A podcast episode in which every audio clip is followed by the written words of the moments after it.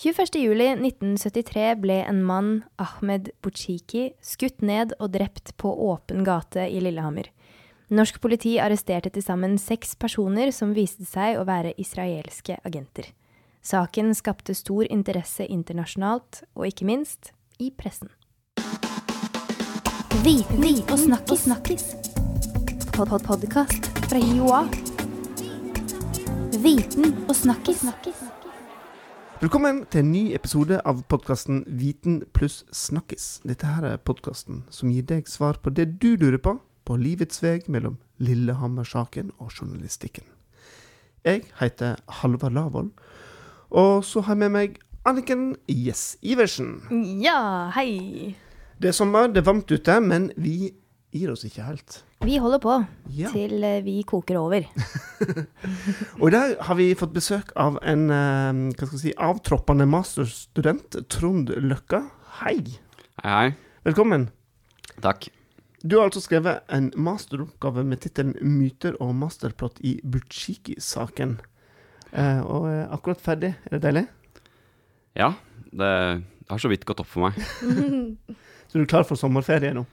Ja, jeg må jo jobbe litt da for å tjene litt penger, men uh, det blir litt ferie òg. Det er bra. Det er godt. Men du, før vi går eh, på en måte inn på, eh, på det du har skrevet om, fortell litt om deg sjøl. Hva slags bakgrunn har du?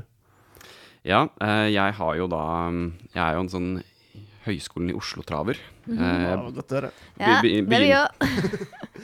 begynte før, før det faktisk het Akershus, så jeg har vært der gjennom mange, mange, mange år. Eh, men jeg har en bachelor i eh, medier og kommunikasjon eh, i, i bunn. Eh, og så har jeg også tatt et årsstudium i prosjektledelse.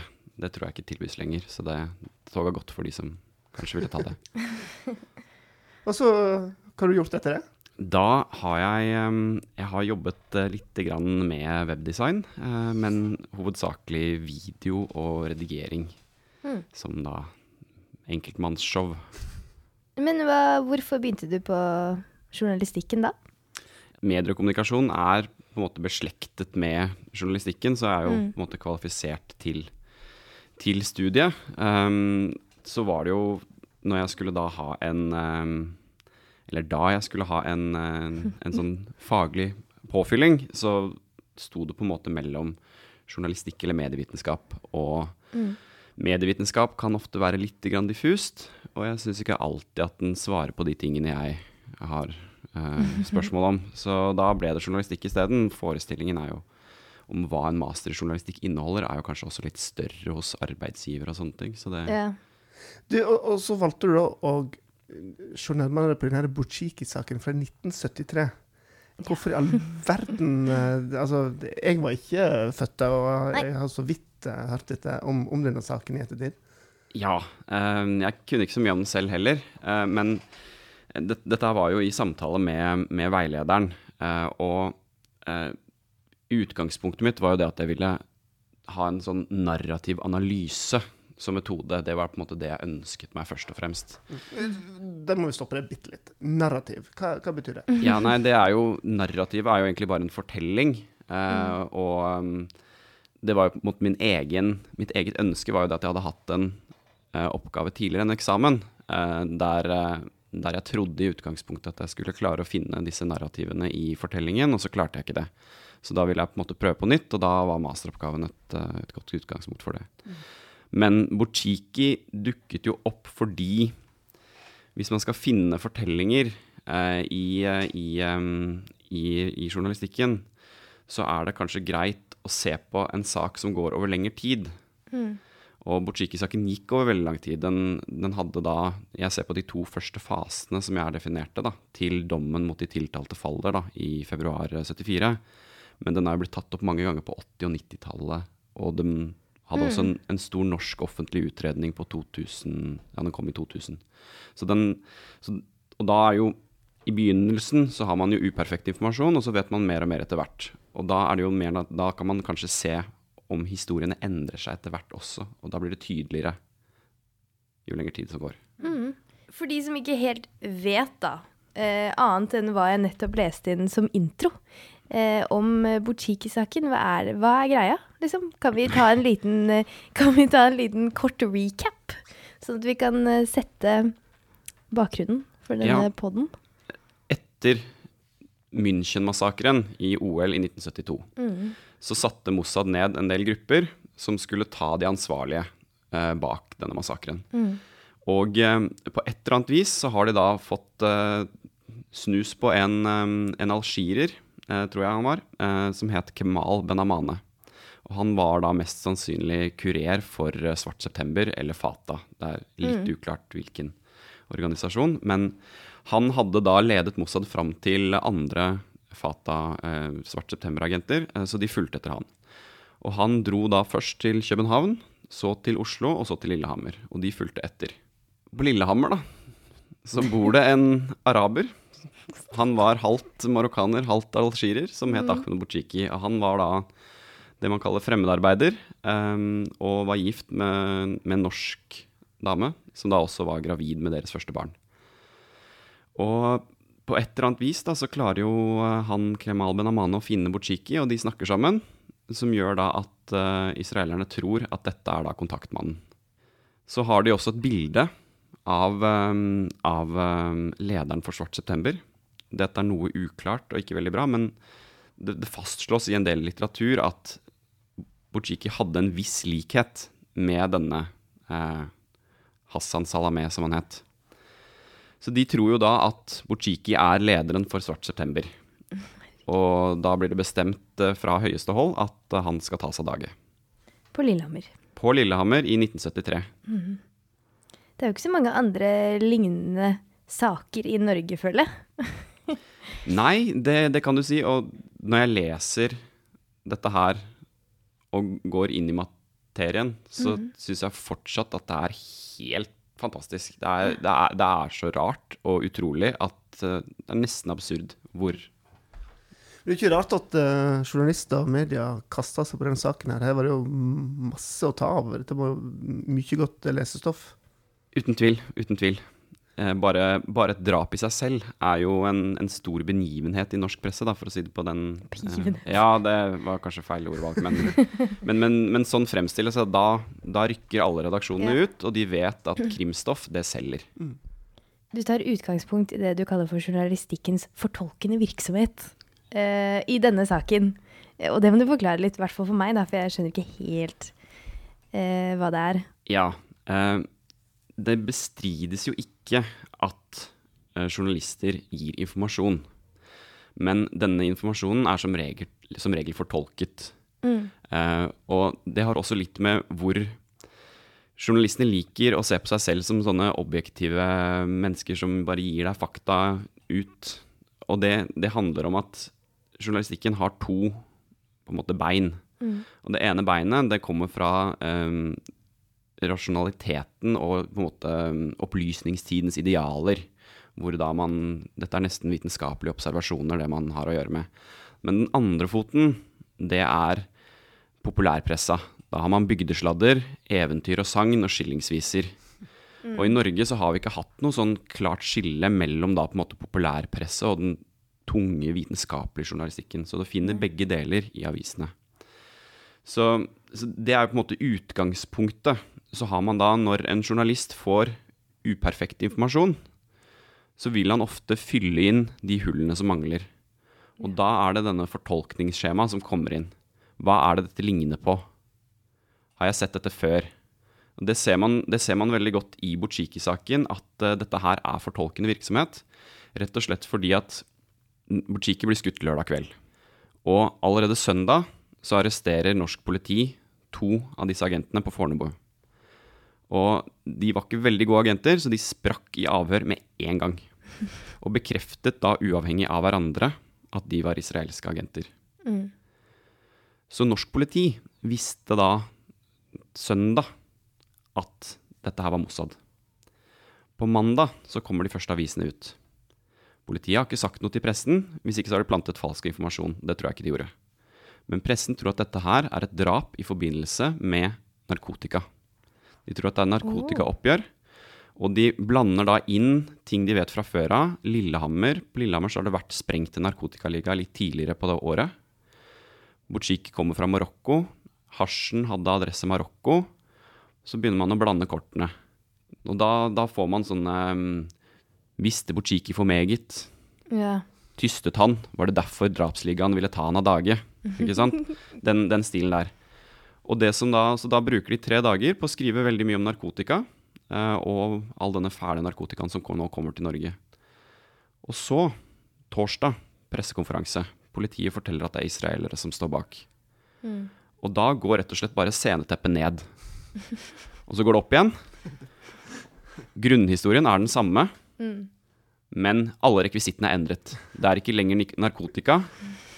Det er internasjonal terrorisme midt, med utgangspunkt i Midtøsten. ikke sant? Ja. Det er ikke lenger narkotikaliga, det er arabiske, og det er jøder som slåss mot hverandre. Men var alle mediene med på denne her eh, første fortellingen? Altså med, med narkotika og sånne ting? Var alle avisene samstemte der, eller var det noen som hadde andre historier der? Nei, nå har jeg bare Jeg har bare forholdt meg til Aftenposten og VG, men begge de to antar at det er narkotika. Og inntrykket mitt er at det var den generelle, den gjengse oppfatningen i pressen. Ehm, jeg, har ikke, jeg hadde ikke tid til å se på andre aviser eh, for å bekrefte dette her, men du får ta påstanden min for god fisk. Men det, hva sa media sjøl da, når de, når de måtte eh, ta ned seg den teppet og starte med en ny historie? Jeg nevner jo det i oppgaven. Det står ikke så fryktelig mange dementier på akkurat dette punktet her, da. Det er vel egentlig ingen som jeg har sett. Eh, det er egentlig bare, som jeg kaller det, et abrupt sceneskifte. De prøver, Det er noen sånne små setninger her og der hvor de sier at eh, ja, vi vet jo at eh, narkotika er én av metodene hvor internasjonale terrororganisasjoner eh, finansierer sin virksomhet på, men eh, det, så det er, en, det er så kanskje en forskjell på forsøk på en liten glidende overgang, men, eh, men det, er ikke, det er ikke så mye selvkritikk å ta der, altså. Altså de, disse første sakene, eller første scenen i eh, hvordan eh, pressen dekket denne saken, gjorde det noe med folkets eh, forståelse av hele, av hele Butsjiki-saken? Ja, jeg, jeg vil jo tro det. Um, man kan jo kanskje se på Butsjiki som, um, som offer i den dag i dag. Så er det jo en gjengs oppfatning at han var uskyldig.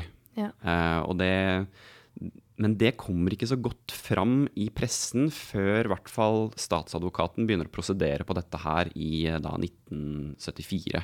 Så det er en ganske lang periode uh, hvor, um, hvor Butsjiki han har, han har tre roller i denne saken her. Og de to mest fremtredende er rollen som først da mulig narkotikakriminell Ja, er eller mulig terrorist. Ja. Og at offerrollen til Butsjiki, den er veldig lite tydelig. Og opptrer bare vekselvis. Stakkars. Ikke nok med at han uh, blir drept, men Han blir mistenkeliggjort i tillegg. ja. ja, for det var det jeg tenkte, at hvis du først har fått stempelet at du er involvert i noe narkotika, så er det kanskje vanskelig for, um, for folket som leser da denne journalistikken å se på han som et offer, dessverre. Eh, Ja, det er ganske synd, egentlig. Du snakker innledningsvis om at du hadde sett på forskjellige fasene eh, i denne saken. her. Eh, det vi har snakket om til nå, er da fase én. Ta oss med videre inn i fase, fase to. Hva skjer der? Nei, da er det jo rettssak. Og da, da ser man jo også at, at eh, da begynner, eh, da begynner historiefortellingen å endre seg. Eh, det, er ikke lenger, det er ikke lenger en klar krimfortelling, eh, som det har vært. Da er det en spionthriller. Det er, og det er, det er et rettssalsdrama og en spionthriller. Ja. Og da um, um, man, man ser en klar dreining hvor det er ikke helt tydelig i begynnelsen at dette her er Mossad-agenter. Så det, at det er en offisiell aksjon, er ikke spesielt tydelig i fase 1. Uh, man, pressen har litt forvirrende ordbruk og veksler mellom Mossad-agenter og pro-israelske ekstremister, eller terrorister. Så de kaller det for en pro-israelsk gruppe som på ideologisk grunnlag bekjemper Svart september. Okay. Det, så det, og det, det er litt forvirrende. Men nå, i rettssaken, så er det Mossad, spioner, agenter. Og da, da VG spesielt er veldig opptatt av James Bond, og drar hele tiden paralleller til James Bond i denne saken. Nei, ikke lov. Jo, um, det, er faktisk ehm, Det var en, en av de som ble arrestert. Eh, hun var eh, sørafrikansk kvinne. Mm. Hun het Sylvia Rafael. Og det var også en gjengs oppfatning blant norske journalister, kanskje spesielt de mannlige, at hun var fryktelig pen. Så de, de bruker da forholdsvis mye tid på å fortelle publikum hvor pen hun er. Um, men hun er ikke bare pen, hun er både smart og munnrapp i tillegg. Å, ikke sant? Ja. Så VG, VG har da en, um, en, en overskrift som lyder noe sånn som um, Vakre Sylvia toppspion, israelernes kvinnelige agent 007. Oh my god. I ettertid nå, hva er det vi kan Altså vi, men hva, hva kan pressen lære av, eh, av denne saken, og ikke minst din masteroppgave? Ja, nei, de har, jo, de har jo kanskje lært en del allerede, da. At uh, det er blitt mye større fokus på nettopp det der med etterrettelighet uh, i pressen. Og det har jo vært en del gjennomganger og endringer i Vær varsom-plakaten siden, siden da. Men uh, jeg tror fortsatt det er noe å lære ved å også se da tilbake. Det er en grunn til at man har historikere, og så kan man kanskje minne seg på hvor, hvor ille det kan være, og at det kanskje hjelper lite grann. Ja, for hva konkluderer du med, eller konkluderer kanskje Gåstein, eh, med i din masteroppgave, med tanke på denne saken og pressedekning? Problemstillingen min handler jo om myter og masterplot, så jeg forteller jo hvilke myter og masterplot som er eh, dominerende eller preger dekningen. det, det man kan si da, det jeg konkluderer med, er at eh, oppgaven min avdekker et tydelig mønster i hvordan avisene konstruerer sine fortellinger. Og de bygges opp ved at man bruker mer eller mindre ufullstendig informasjon som kombineres med myter og masterplot. Um, og det er jo ikke noe, det er ikke noen ny oppdagelse at nyhetene forteller historier. Um, på engelsk så snakker man om news stories, og, og journalister får jo tilbud om kurs hvor de kan bli bedre historiefortellere. Så samtidig så presenterer man seg da som informasjonsleverandører. Og denne informasjonen er så viktig at den på en måte danner et sånt demokratisk fundament, ifølge Vær varsom-plakaten. Så det er derfor viktig å diskutere hvordan historiefortellingen påvirker informasjonsformidlingen. Og eh, det denne oppgaven viser, da, er jo at eh, avisene tidlig på 70-tallet eh, prioriterte historiefortelling så høyt at eh, de ikke gikk av veien for å spre spekulasjoner og, eh, på forsidene. Etter hvert som man fikk mer fullstendig informasjon, så presenterte de fortsatt informasjon i en sterkt fortolket eh, form. Det gir grunnlag for å trekke to konklusjoner, og det er at fremstillingen bekreftet konvensjonelle forestillinger om Norge, og at det var grunn til å være kritisk til den informasjonen som ble presentert gjennom avisenes fortellinger. Både Norge, verden og pressen har endret seg siden da 1973-74. Forhåpentligvis. Ja. Ja, så den, den kan derfor ikke si noe om hvordan pressene fortolker sitt materiale den dag i dag. Eh, men den kan danne da en, eh, en bakgrunn for forståelse av hvordan dette skjer i dag. Og det er ingenting som tyder på at kravet om en fengende fortelling er blitt mindre i dagens presse. Så det er mer enn nok å ta av for den som har lyst til å undersøke dette videre. Det, denne oppgaven er jo ganske relevant med tanke på dagens terrorbilde i Europa, hvor vi da får presentert veldig mange sånne historier, eller sånne svære, sånn oppblåste historier eh, i pressen nærmest daglig, sånn 24 timers dekning. Og da lurer jeg på eh, hvilket ansvar har på en måte pressen med tanke på det? Vi kan jo ikke slutte å rap rapportere sånne handlinger, men om man bør gjøre det på en annen måte, da? Kanskje sånn lære av tidligere feil? Ja, si sånn. det, det blir jo det lære av tidligere feil, men, men også veldig mange journalister blir forfattere. Det er jo Så det er, det er kanskje ikke noe tilfeldighet, det der, da. Så, så det jeg tenker, er jo det at journalisten må jo til enhver tid eh, tenke over sin egen redelighet, og kanskje la den forfatteren ikke få fullt spillerom når han skriver eh, artikler. Men du, jeg lurer på en ting. I, i 73, så, så du sa dette skjedde på en lørdag, ehm, eh, og så kom saken ut i avisene på mandag. Det ville jo ikke skjedd um, den dag i dag. Eh, og det betyr jo at journalisten har jo god tid til å bygge den um, historien som, som vi nå har snakket om. I, I dagens mediebilde så skjer det jo umiddelbart. Uh, og du får hele tiden sånn nye drypp om hva, hva som skjer. B da blir vel historiefortelling på en helt annen måte. Altså Her har ikke du tid til å bygge opp uh, med alle de virkemidlene her, siden du får ny informasjon rett ut til publikum umiddelbart. Ja, det, det, man, det som er utgangspunktet mitt i denne oppgaven, er det at historiene i en journalistisk fortelling, det er ikke en komplett fortelling. Det er eh, brokker av informasjon og brokker av historiefortelling som eksisterer om hverandre. Og disse brokkene, de kan publikum sette sammen til en historie. Og der historieelementene mangler, så fyller de inn egen informasjon. Så sånn sett så er det ingenting som hindrer publikum i å trekke sine egne konklusjoner basert på det journalisten skriver, uansett hvor kort det måtte være. Nei, det er jo kanskje enda verre.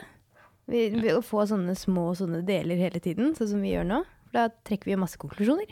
Nettopp. Ja. Så det er, nok, eh, det er nok mange historier ute og går fortsatt. Men du, helt til slutt. Um hva bør vi, Anniken og jeg og alle andre som ikke er journalister og ikke er politi, og, og sitter inne i dette her, hvordan skal vi lese nyheter når det, når det kommer sånne store saker?